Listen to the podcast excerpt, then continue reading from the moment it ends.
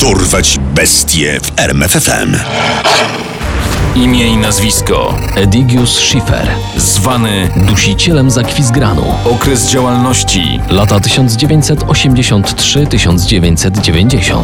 Liczba ofiar. Co najmniej pięć. Skazany na. Dożywocie. Obecny status. Nie żyje.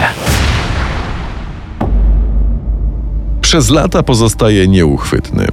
Po swoim ostatnim morderstwie przez 17 lat wiedzie spokojne życie agenta ubezpieczeniowego, a także męża i ojca.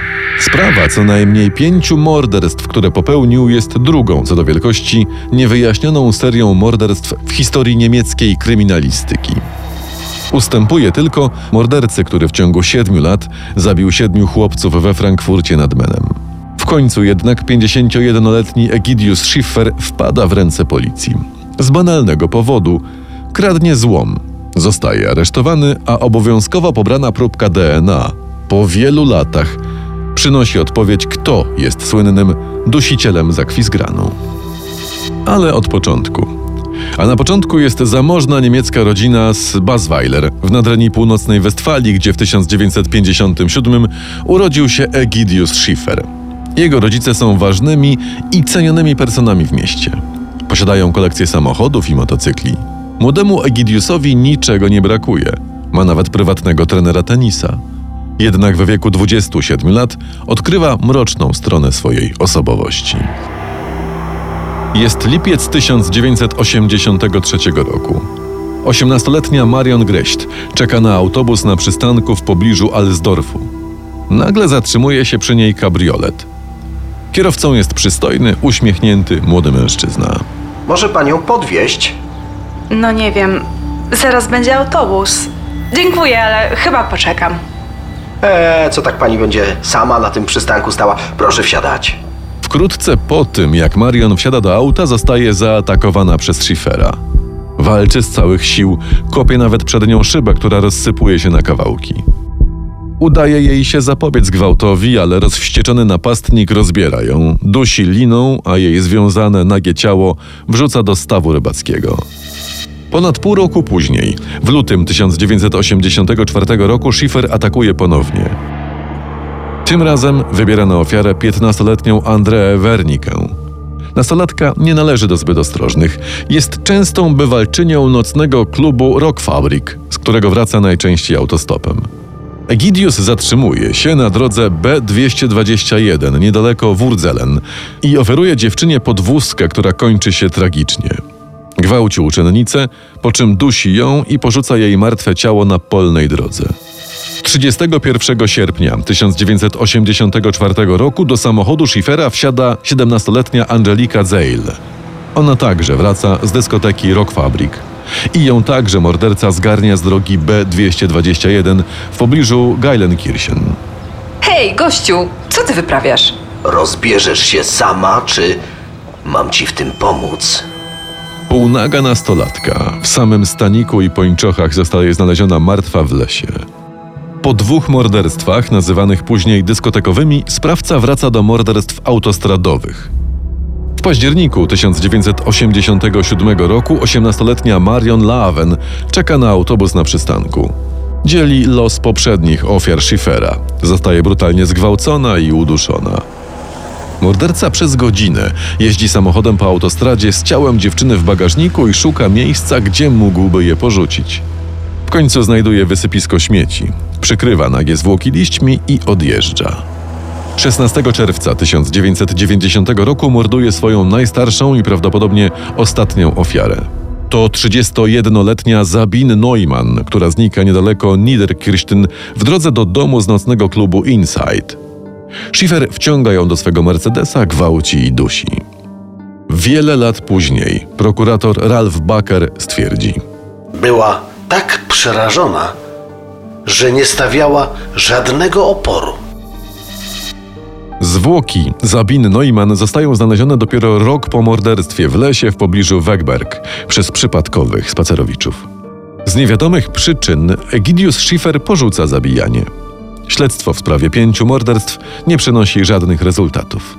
Wszystko, co o nim wiemy, to to, że poszukuje ofiar w nocy. Wypatruje kobiet, które często są pod wpływem alkoholu. Do tego jest wysportowany, silny i jeździ kabrioletem. W aucie wozi kajdanki, linę i sprzęt do tortur. Zwyrodnialec musi mieszkać w Akwizgranie lub okolicach. Tymczasem po zamordowaniu Sabine Neumann Schiffer żyje nieniepokojony przez nikogo jako sprzedawca ubezpieczeń. Trzykrotnie się żeni. Dwa małżeństwa kończą się rozwodem, a z trzecią żoną ma syna. Wiedzie mu się raz lepiej, raz gorzej.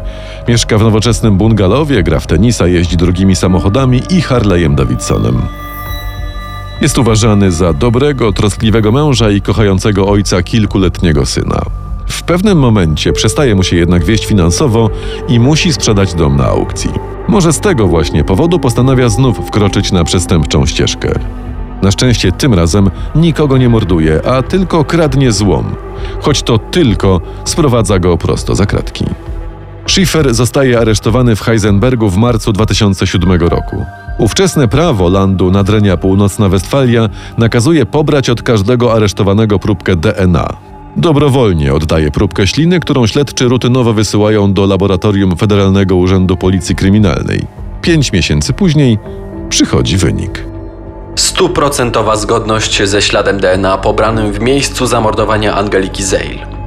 Mamy naszego dusiciela z Akwizgranu.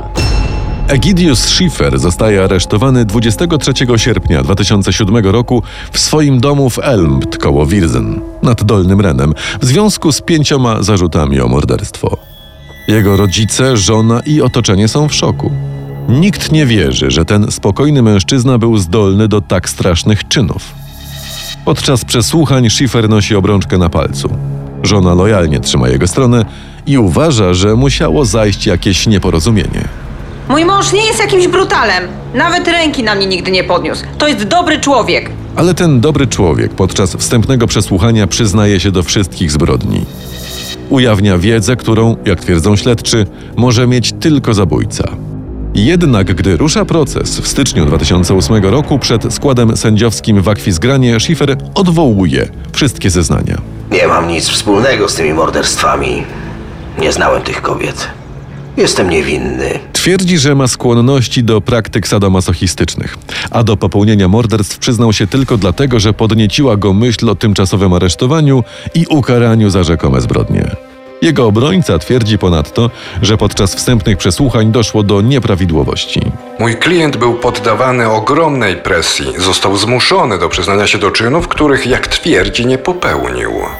Podczas procesu Egidius sprawia wrażenie człowieka, który znalazł się w sądzie przez nieporozumienie.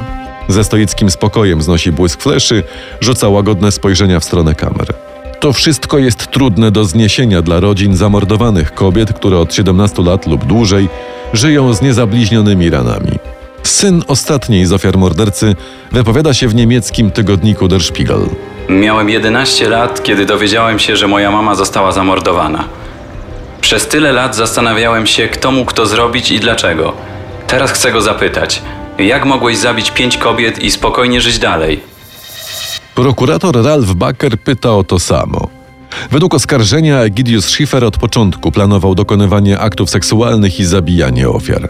Przez 7 lat prowadził podwójne życie, jako spokojny, konserwatywny mężczyzna, mąż i ojciec oraz jako cyniczny, bezwzględny gwałciciel i morderca. Sąd, opierając się na wcześniejszych zeznaniach Schiffera, na jego wyjątkowej, szczegółowej wiedzy dotyczącej tych pięciu zabójstw, a także podpierając się śladami DNA znalezionymi na miejscach zbrodni, 19 sierpnia 2008 roku wydaje wyrok. Za pięciokrotne zabójstwo oraz gwałt w dwóch przypadkach sąd skazuje oskarżonego na dożywocie. W uzasadnieniu wyroku podkreślone jest szczególne okrucieństwo sprawcy oraz wielka waga jego winy. Czerwcu 2009 roku Federalny Trybunał Sprawiedliwości odrzuca rewizję wyroku. Schiffer trafia do więzienia w Bochun, gdzie żyje jeszcze przez niemal dekadę. 22 lipca 2018 roku strażnicy znajdują nad ranem nagie ciało sprawcy leżące w celi. Rzeczniczka więzienia wyjaśnia, jak doszło do jego śmierci. Wyjął kabel z nocnej lampki, owinął sobie wokół sutków i przyrodzenia, a następnie wetknął do gniazdka. Sekcja zwłok wykazuje, że dosiciel z Akwizgranu zmarł z powodu niewydolności serca po porażeniu prądem. Poznaj sekrety największych zbrodniarzy świata. Dorwać bestie w RMFFM.